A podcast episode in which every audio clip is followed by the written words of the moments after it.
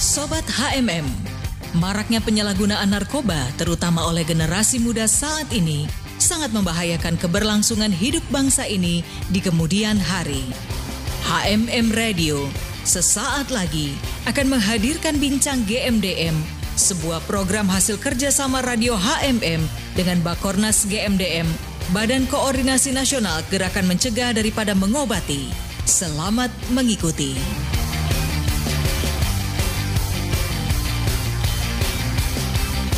Dari kawasan Sentul Bogor, Indonesia, Helm Radio, Praise and Worship in Unity.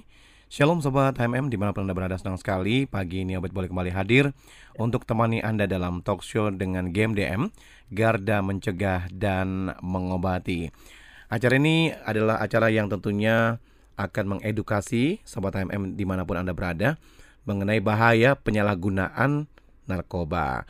Nah, kita tahu bahwa narkoba dan bahaya penyalahgunaannya menjadi perhatian utama pemerintah dan masyarakat karena hal ini sangat mempengaruhi kualitas generasi muda sebagai penerus bangsa. Nah, topik hari ini membahas tentang salah pergaulan.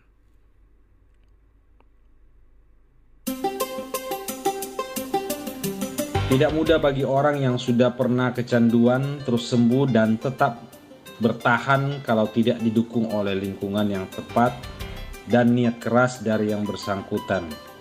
Kemungkinan untuk relap kembali sangat besar. Karena faktor pergaulan dan lingkungan dan kemauan dari orang itu sendiri. Diperlukan kerjasama antara si pecandu, orang tua, lingkungan, pergaulan, dan kemauan diri pecandu sendiri. Karena tanpa kemauan untuk berhenti dari si pecandu, maka segala usaha menjadi sia-sia. Yang harus mereka lakukan adalah niat keras untuk sembuh atau terlepas dari jeratan narkoba. Karena beberapa teman saya banyak juga yang jatuh lagi ke dalam narkoba, alasannya tidak jauh dari stres, tekanan hidup, putus pacar, dan lain sebagainya. Membantu mereka memfollow up mereka dalam proses penyembuhan untuk tidak menggunakan narkoba kembali. Thank you. Ya, sudah bergabung narasumber dalam perbincangan kita hari ini via Zoom Sobat HMM. Langsung saya saya ingin menyapa Ketua Umum dari GMDM. Selamat bergabung untuk Bapak Arman Depari. Selamat pagi Pak, terima kasih untuk waktunya. Ya, selamat pagi. Terima kasih juga atas kesempatan yang diberikan kepada saya. Iya. Semoga pagi hari ini kita sehat Amin. dan berbahagia semua.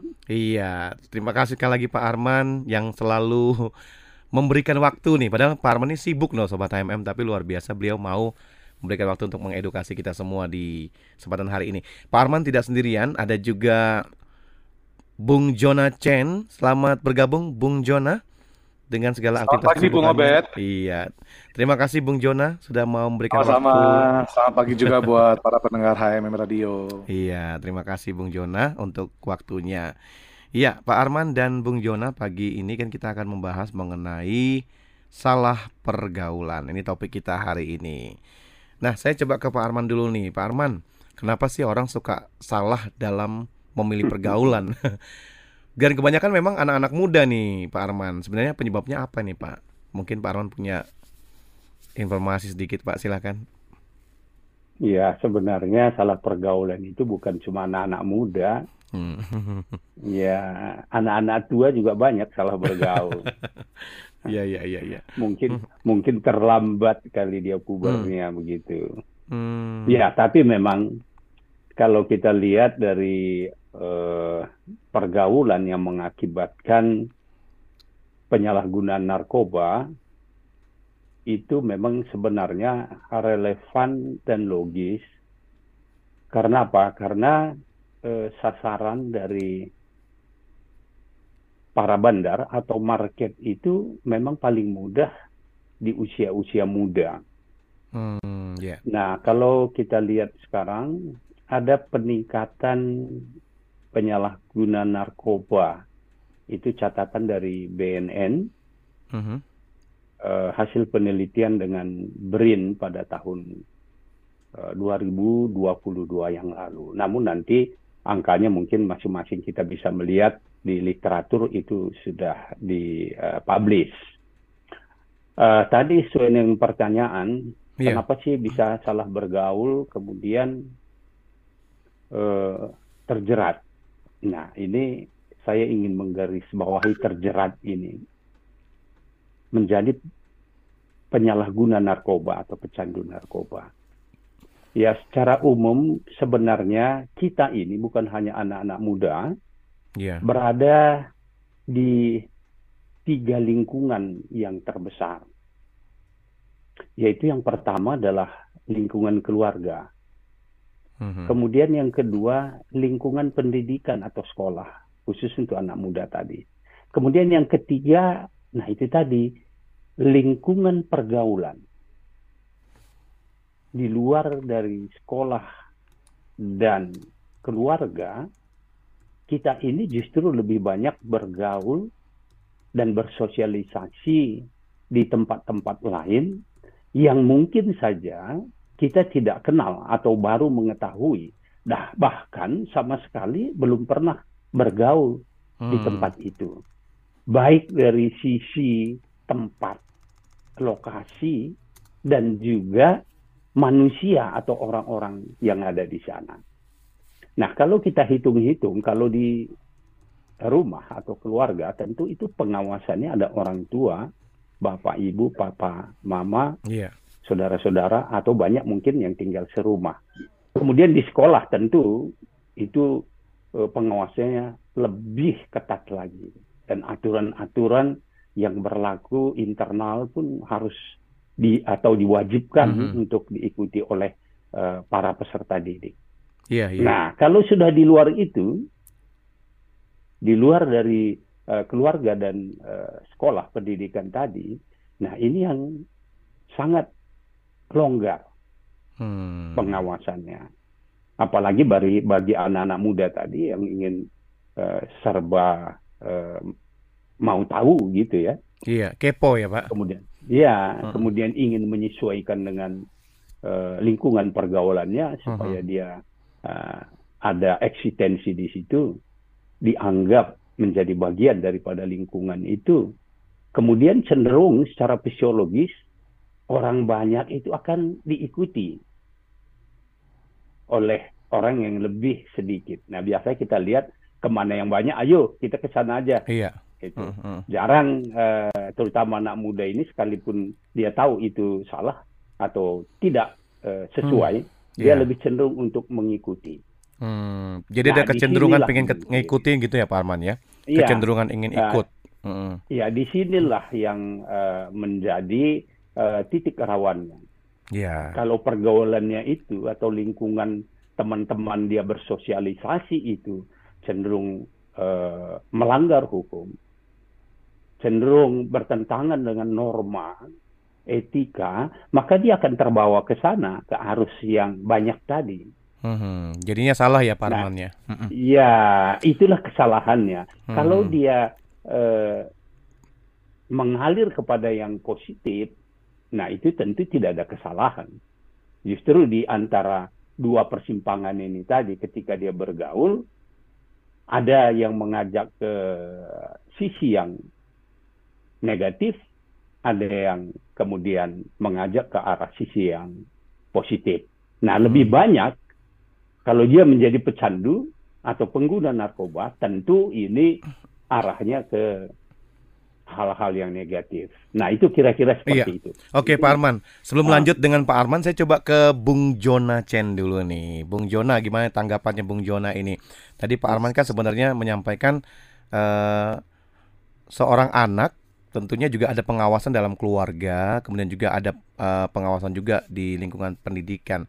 Namun kenapa nih sampai padahal kan sudah ada pengawasan sebenarnya ya dari keluarga itu orang tua, kemudian dari pendidikan itu adalah guru-guru, para pengajar.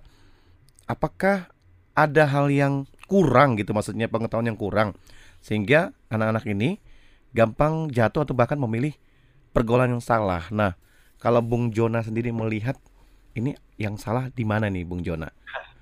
Ya, thank you banget Bung Obet. Iya, terima, terima kasih. kasih juga buat Pak Arman tadi penjelasannya luar biasa. Memang lingkungan hmm. itu sangat mempengaruhi uh, sangat faktor paling besar mempengaruhi seorang anak itu bertumbuh. Mm-hmm. Dia mau ke arah mana nih? Mau ke arah yang baik atau ke arah yang jahat? Iya. Yeah. Gitu ya. Yeah. Nah, pecandu narkoba ini kan kebanyakan di Kayaknya masalah jaringan nih Bung Jona. Nanti oleh anak-anak generasi Z dan generasi sangat muda, apalagi yeah. generasi Z yang usianya tuh berkisar 20-an. Jadi uh-huh. mereka tuh sangat membutuhkan sebetulnya uh, rasa diterima, uh-huh. membutuhkan rasa diterima dan membutuhkan juga uh, diterima. Jadi hmm. mereka mereka ya mau diterima, mereka juga mau menerima orang lain sih sebetulnya begitu ya. Oh. Dan mereka juga mau sosialisasi dalam artian mereka juga membutuhkan pergaulan yang memang dalam hal ini adalah pergaulan yang bisa uh, mengakomodir apa maunya mereka. Hmm. Gitu. Jadi yeah. memang generasi-generasi yang kita pahami ternyata di Indonesia, di Indonesia itu paling banyak kalau dari hasil uh, badan sensus itu ya, ternyata penduduk Indonesia itu paling banyak diduduki oleh generasi Z sebesar hmm. sebesar 27 27,94 persen itu banyak sekali. Jadi memang generasi ini yang memang sekarang ini sangat kuat sekali, ya artinya mereka lah yang menguasai penduduk Indonesia saat ini.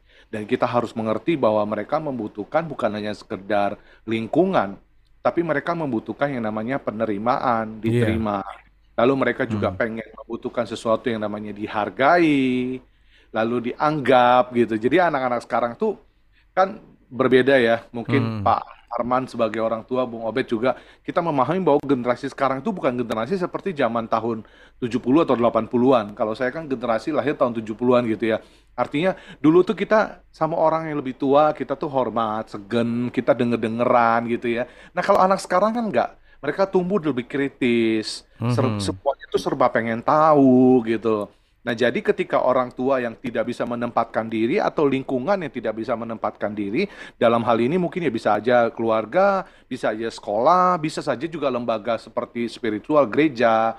Nah, bisa saja mereka juga salah meresponi anak-anak generasi Z hmm. ini.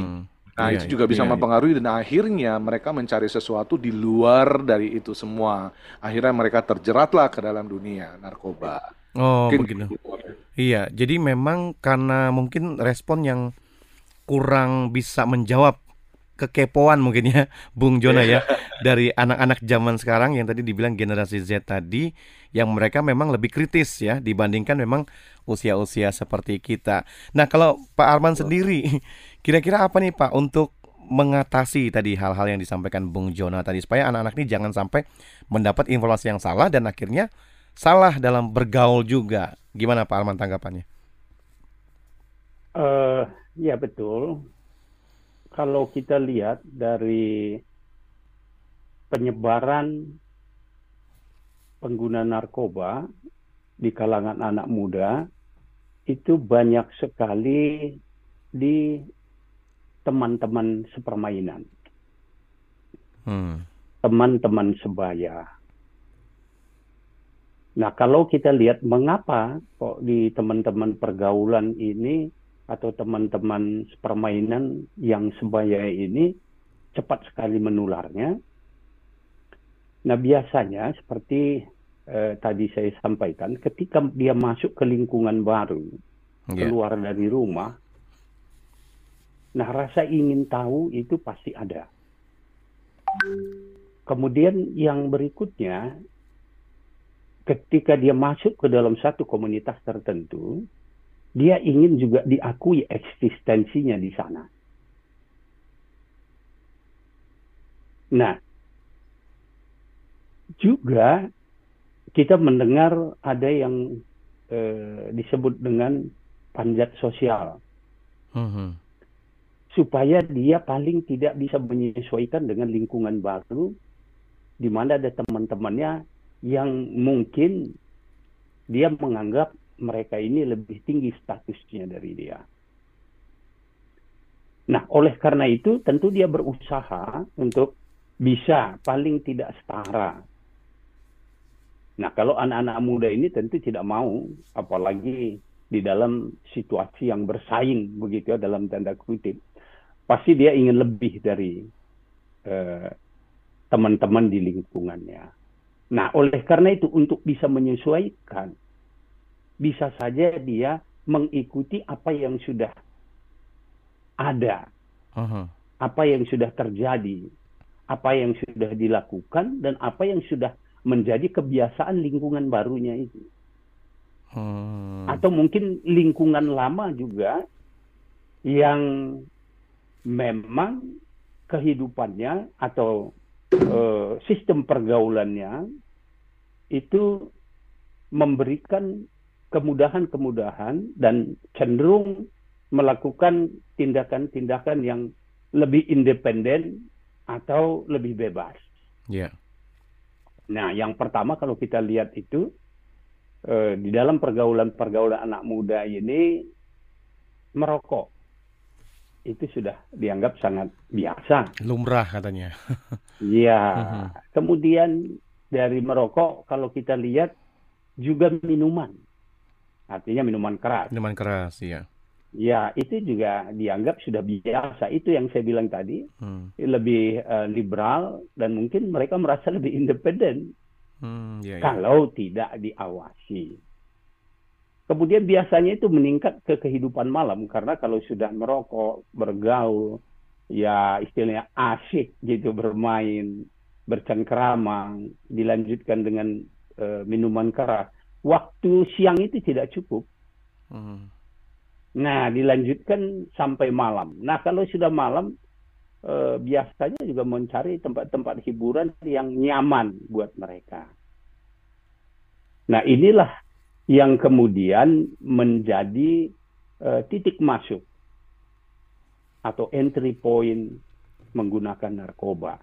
Karena hmm. kita tahu minuman keras itu sendiri kan sebenarnya sudah merupakan eh, salah satu dari narkoba. Oh.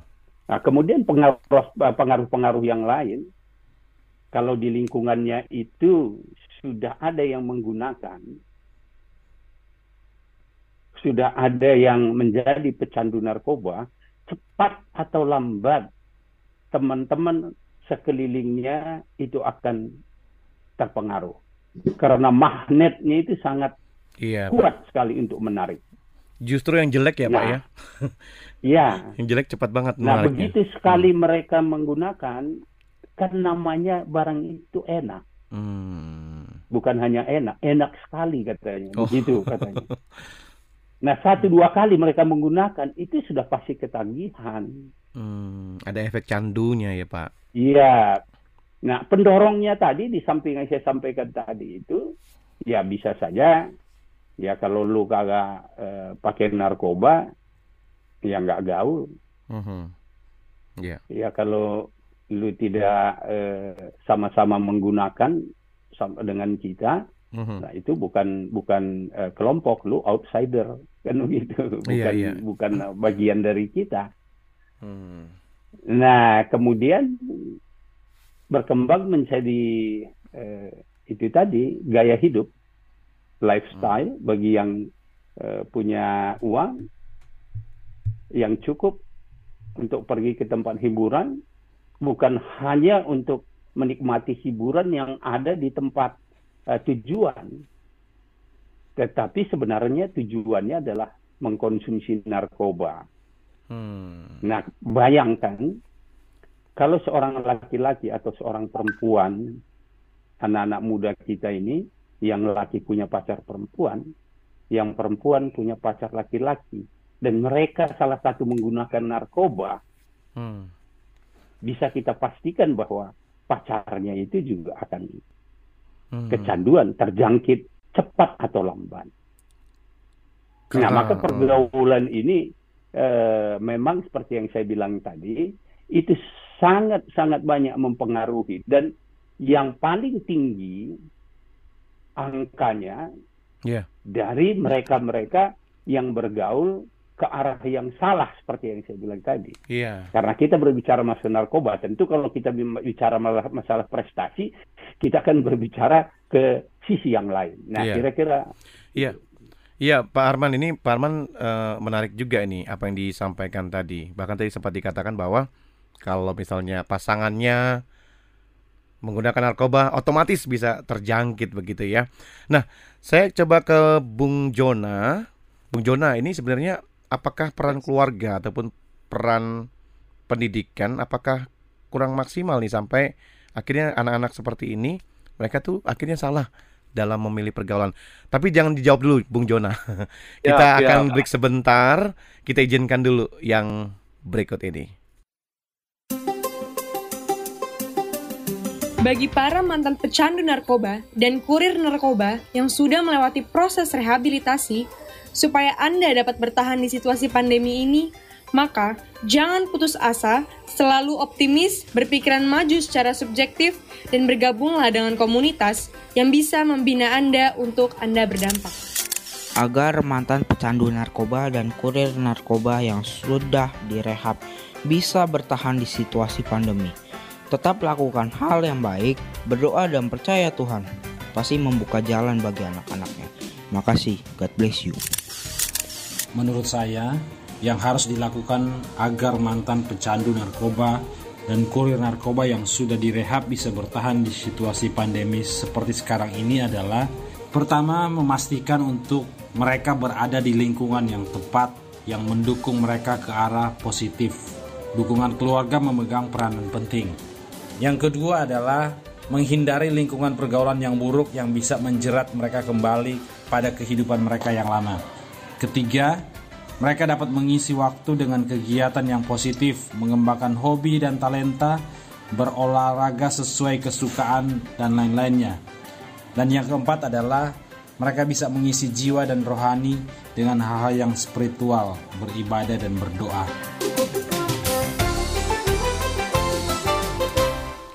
www.hmmdsradio.net HMM Radio Praise and Worship in Unity. Obit masih terus bersama Anda dalam talkshow dengan GMDM Garda Mencegah dan Mengobati. Ya sebelum kita lanjut Sobat HMM saya ingin menyapa dulu beberapa pendengar kami Yang mendengarkan saat ini dari dalam dan luar negeri.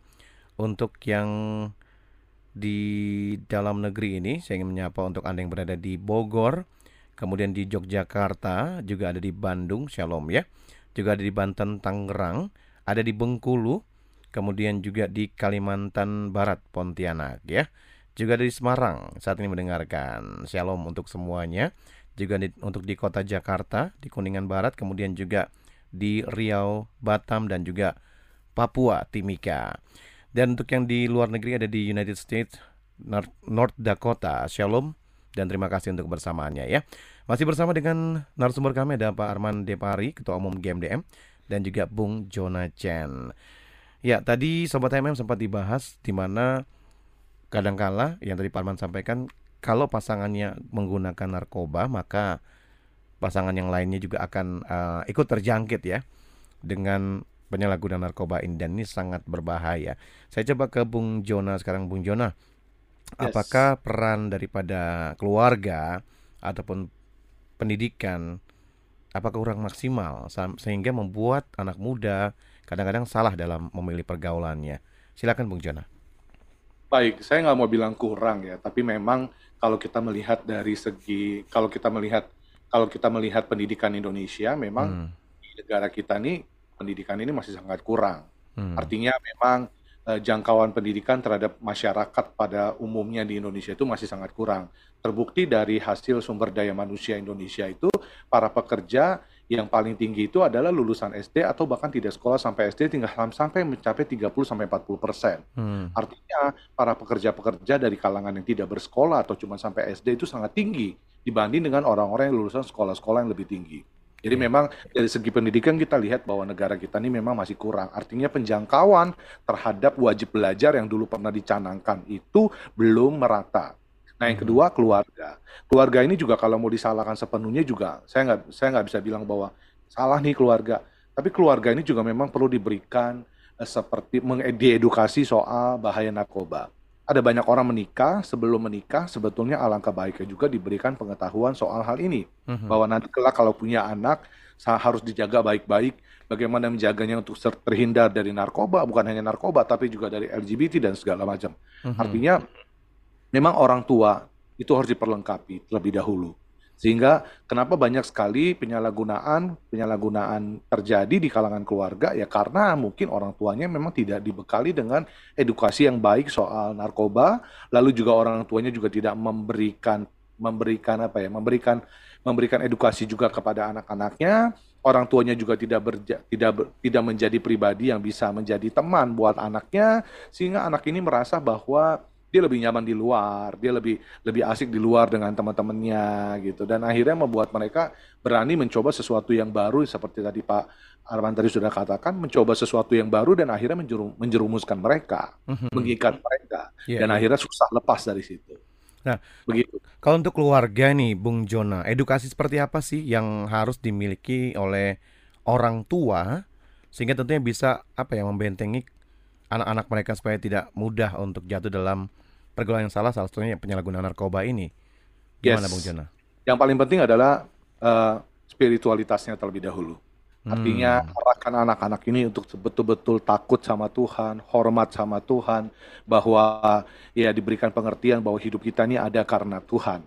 Iya. Jadi yeah. kalau spiritualnya kuat, maka orang tua juga harus bisa memberikan edukasi yang lainnya, yaitu soal interpersonal. Jadi bagaimana dia membawa diri mereka dalam dunia pergaulan mereka. Hmm. Karena kalau kita bercermin dalam firman Tuhan ya dalam Alkitab di Mazmur 1 ayat 1 sampai 3 itu dinyatakan bahwa Nah, dengan siapa kita duduk, dengan siapa kita berdiri, dengan siapa kita berjalan, itu menentukan sikap kita. Mm-hmm. Kalau kita berdiri, duduk, bergaul dengan orang fasik, maka itu juga yang akan menjadi bagian dari hidup kita. Karena mm-hmm. itu terpola atau ter, tertular dalam hidup kita. Mm-hmm. Saya pernah dengar James Gui satu saat yang ngomong environment itu sangat mempengaruhi pola atau tingkah laku dari kehidupan kita. Dia memberikan contoh, Orang Jakarta kalau bawa mobil daerah Sudirman, Gatot Subroto, Tamrin, itu akan bawa mobil dengan sangat tertib. Tapi hmm. bagaimana ketika dia sudah mulai masuk daerah kota Hayam Huruk, daerah Jembatan Lima gitu ya saudara. Maksudnya daerah yang agak iya. crowded yeah. lalu lintasnya, maka dengan sendirinya mereka juga akan crowded bawanya. Mereka oh. akan sembarangan bawaannya. Ya karena memang itu terpengaruh oleh environment lingkungan. Jadi hmm. memang keluarga itu harus memberikan environment yang aura aura positif buat keluarga, terutama buat anak-anak kita supaya anak-anak kita terhindar dari pergaulan-pergaulan yang buruk kemudian hari dan terutama terjerumus dalam bahaya narkoba itu gitu. Iya, penjelasan ini Bung Jona luar biasa ya.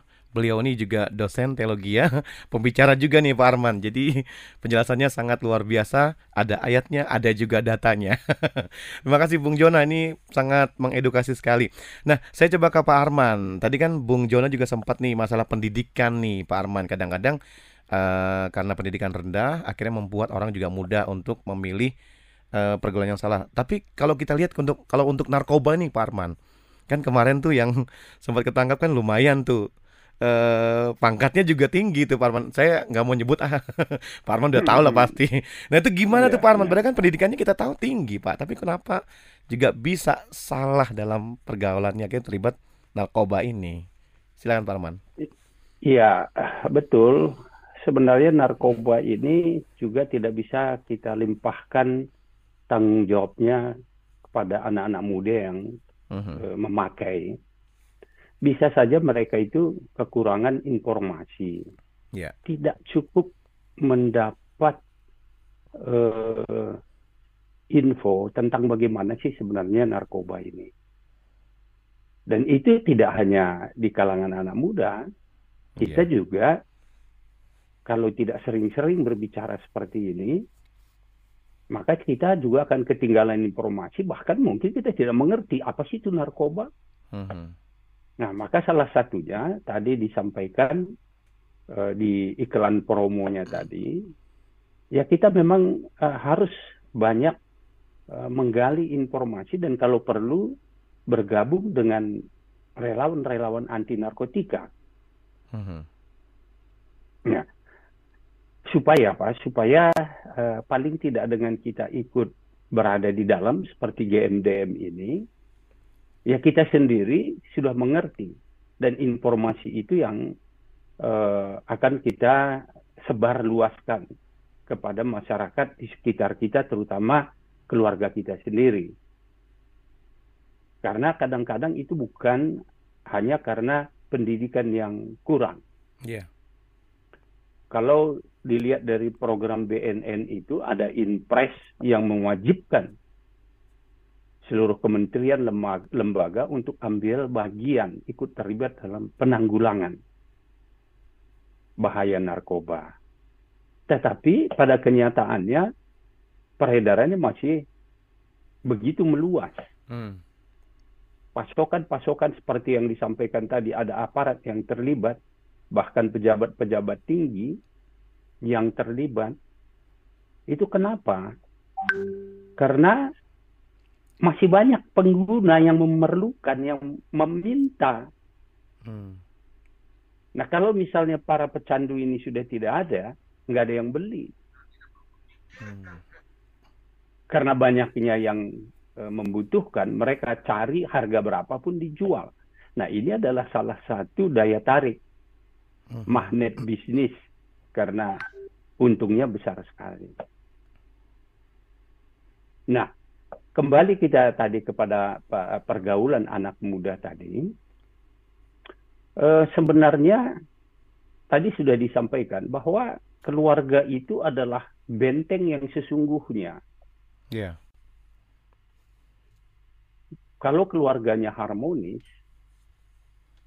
tentu itu akan menjadi contoh bagi seluruh anggota keluarga, bukan hanya anak-anaknya. Kalau dulu ya sekarang mungkin sudah berbeda. Tapi kalau dulu salah satu faktor yang paling banyak anak-anak muda menggunakan narkoba karena tidak ada keharmonisan di dalam keluarga. Kalau dulu kita sering uh, dengar uh, keluarga yang broken home. Nah, karena tidak ada ketenangan, tidak ada kenyamanan, tidak ada kasih sayang di rumah, maka anak akan pergi mencari lingkungan yang menyenangkan, yang nyaman buat dirinya sendiri. Nah, itu yang sangat potensial untuk membawa mereka ke pergaulan yang hmm. salah. Yeah. Mungkin karena di rumah ada stres, ada rasa takut, kekhawatiran, macam-macam. Tentu mereka akan cenderung mencari uh, tempat bergaul yang buat mereka enak. Ya termasuk tadi di situasi pandemi ya sekarang sudah berlalu. Kemarin kemarin ada yeah. peningkatan jumlah pemakai. Itu salah satu faktornya karena apa? Karena ada depresi, ada frustrasi, ada hal-hal tertentu secara psikologis yang mendorong dia untuk menggunakan narkoba. Nah, oleh karena itu, eh, keluarga harmonis itu adalah benteng yang sesungguhnya. Hmm. Dan di uh, keluarga di rumah terutama, tentu kita harus memberikan perhatian dan contoh kepada anak-anak muda. Apakah itu anak kita sendiri atau mungkin keluarga lain yang tinggal bersama-sama dengan kita memberikan kebebasan untuk berpendapat misalnya, mengarahkan kegiatannya ke arah yang uh, positif, berolahraga, dan tentu saja uh, para orang tua harus memerankan dirinya sebagai orang tua yang memberikan uh, nasihat yeah. dan arah untuk kehidupan anak-anak. Mm -hmm. Nah itu yang paling penting. Iya, Pak Arman. Jadi memang orang tua harus mengarahkan anak-anak pada hal-hal yang baik. Nah, tadi Pak Arman sempat menyebutkan juga bahwa ada peningkatan ya penyebaran narkoba ini. Nah, ini apakah edukasi penyuluhan yang selama ini disampaikan apakah masih kurang tepat atau tidak mendarat ke Pak Arman? Uh, maksudnya ke mereka yang mendengarkannya. Apakah juga cara-cara orang untuk memberikan bahwa uh, informasi tentang penyalahgunaan narkoba ini sangat berbahaya apakah belum maksimal Pak Arman? bukan punya bukan hanya tidak maksimal sangat sedikit sekali hmm. ya ya tadi sudah saya sampaikan bahwa itu ada impres nomor 2 tahun 2020 kalau saya tidak salah hmm. uh, tetapi masing-masing kementerian lembaga itu kan punya prioritas dan mungkin mereka cuma menganggap atau bahkan kita sendiri ya di luar daripada kita yang hadir pada hari ini karena yang hari ini hadir saya tahu bahwa kita kita ini betul-betul uh, konsisten. Yeah. Tapi kalau di luar daripada kita, mungkin mereka tidak peduli. Bahkan bukan hanya tidak peduli, juga sebagian menjadi pelaku. Hmm. Itu sangat kurang sekali. Kalau hanya mengandalkan dari Badan Narkotika Nasional, dari eh, kepolisian, atau eh, lembaga-lembaga eh, swadaya masyarakat seperti GMDM, atau bahkan lembaga penyiaran seperti radio HMM ini, ada berapa orang sih di iya. Indonesia? Setahu saya, radio seperti HMM ini yang tetap menggaungkan anti narkoba itu tidak ada dua atau tiga. Bahkan hmm. setahu saya cuma ini aja dan hmm. radio-radio lain yang ber apa berkolaborasi dengan HMM. Yeah. Nah, oleh karena itu memang eh, pencegahannya sangat kurang. Pencegahan dalam bentuk apa?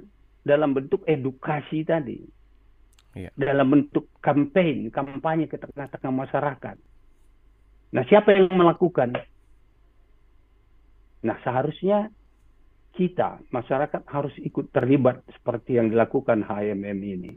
Wow. Karena hmm. kalau pencegahannya tidak berhasil, kembali lagi hmm. hukum pasar tadi, permintaannya akan meningkat. Yeah. Karena kebutuhan meningkat. Nah kalau permintaannya meningkat, maka dengan senang hati selalu saya sampaikan, bandar-bandar internasional itu berapapun diminta akan disuplai. Hmm. Termasuk mempengaruhi semua pejabat-pejabat dari lingkungan tadi yang disebutkan Bung Obed yeah. sampai kepada yang paling bawah. Hmm. Karena mereka hanya berpikir bagaimana mendapatkan uang sebesar-besarnya.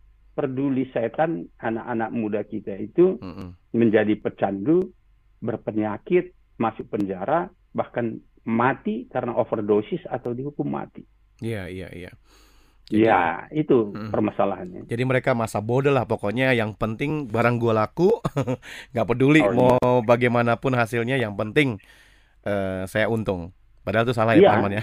Iya. Oke. Okay. Dia kan nggak tahu bagaimana hmm. akibatnya. Iya, Dan iya, dia iya. juga tidak kenal anak-anak kita. Mungkin dia di di ujung dunia sana yang penting ya barang saya jalan duitnya terima. Iya. Gimana ya yes. ya triknya nih agar anak ini tidak salah bergaul. Bukan hanya anak muda ya, tapi juga semua mungkin ya. Tadi Pak Arman juga sempat sebut bukan hanya anak muda tapi orang dewasa juga jangan sampai salah bergaul. Silakan Bung Jona, triknya ya. apa nih?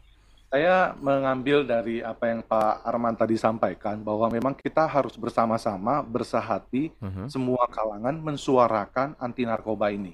Yeah. Jadi intinya bukan hanya eh, lembaga-lembaga tertentu atau platform-platform tertentu yang memang hanya mensuarakan hal ini, tapi kita semua harus terlibat baik dari kalangan pendidikan, uh, keluarga, lalu spiritual, uh, agama itu itu semua harus mensuarakan ini. Karena ketika semua mensuarakan hal ini, maka suaranya akan terdengar ke mana-mana dan semua akan mendengarkan termasuk anak-anak muda yang ketika dia ingin mencoba dia tahu bahayanya dia tahu dampaknya mm-hmm. jadi dia akan berpikir-pikir lagi dan dia akan mengurungkan niatnya untuk melakukan hal itu saya kan mm. juga adalah seorang konten kreator lalu saya lalu yeah. saya langsung berpikir wow kalau kayak gini saya akan coba bikin konten yang memang tujuannya adalah untuk mencegah atau uh, soal menyuarakan soal anti narkoba ini. Wah.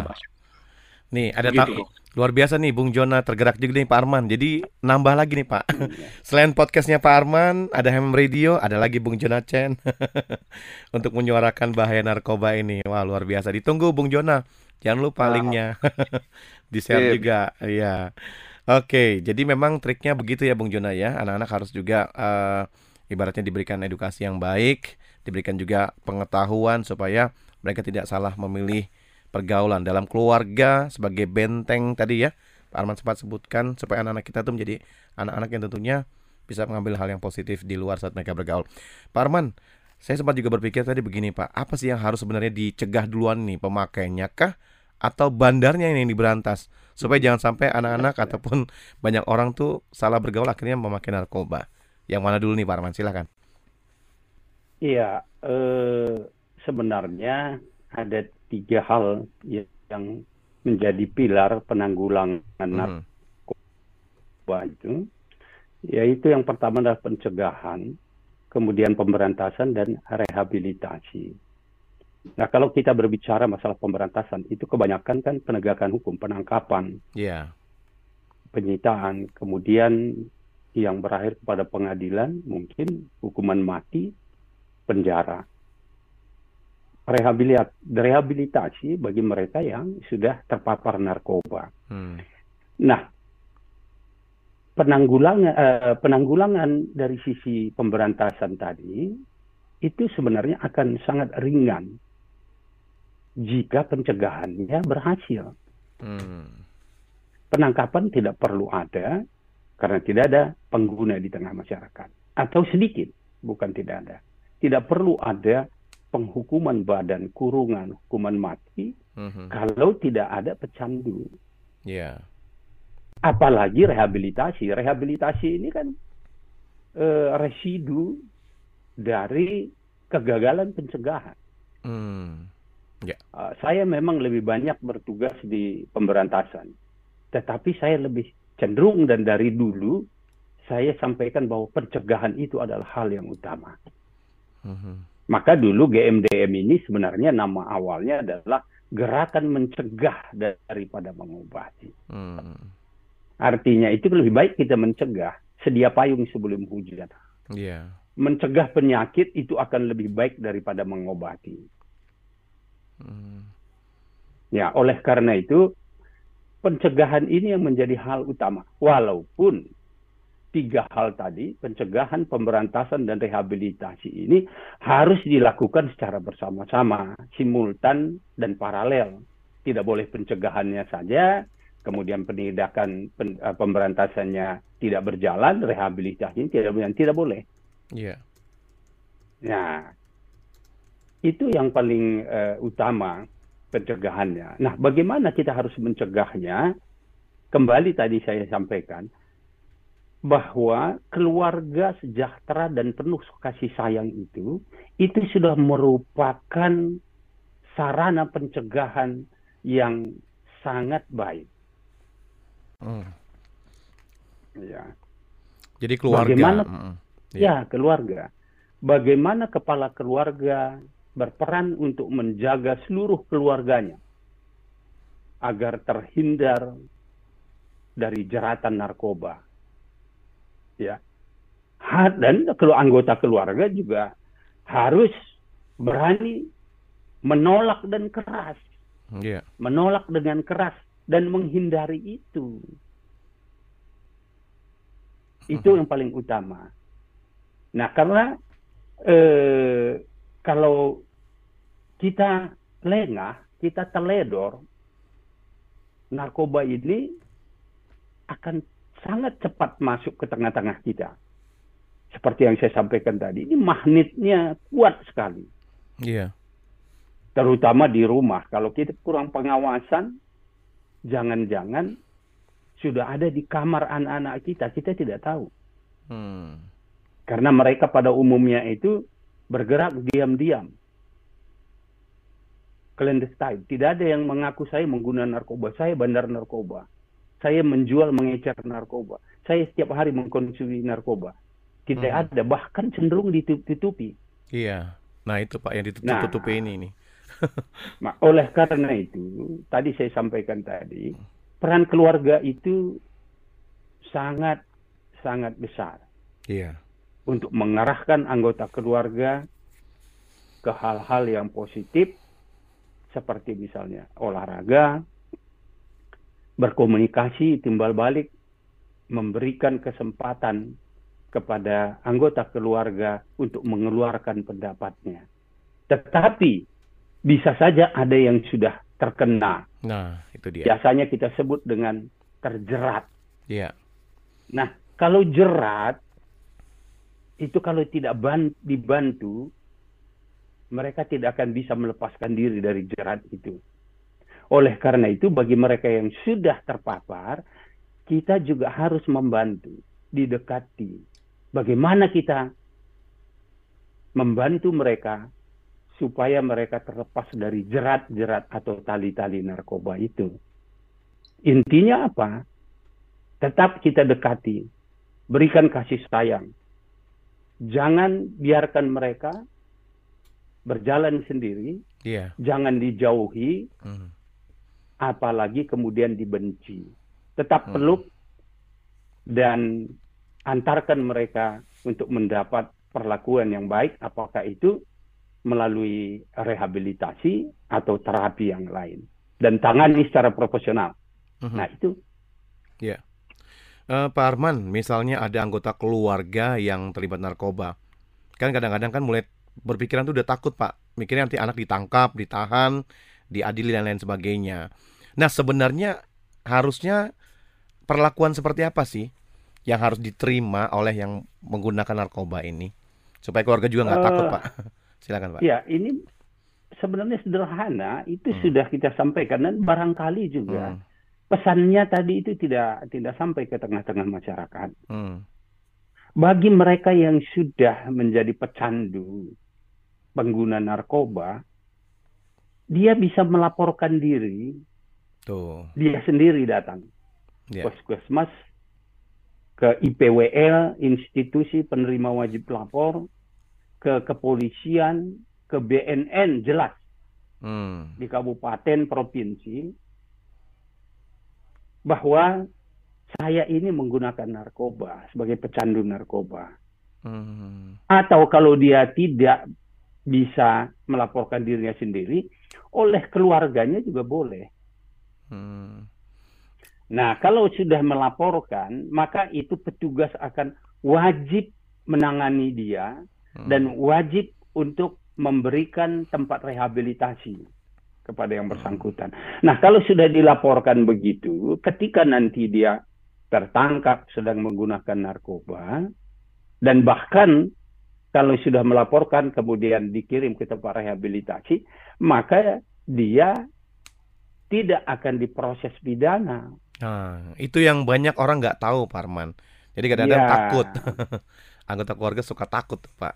Ya, hmm. kalau dia volunteer menyerahkan diri, yeah. itu tidak berbeda dengan kalau dia ketangkap ada barang bukti. Hmm. Nah, dia harus menjalani proses pre, uh, proses penyidikan tadi itu. Hmm, pidana ya. Nah, itu akan panjang.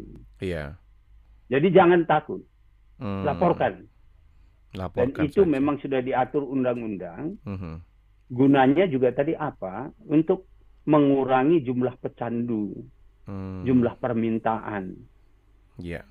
Dan bagi mereka yang terpapar punya hak untuk mendapatkan pengobatan, hmm. punya hak untuk mendapatkan rehabilitasi.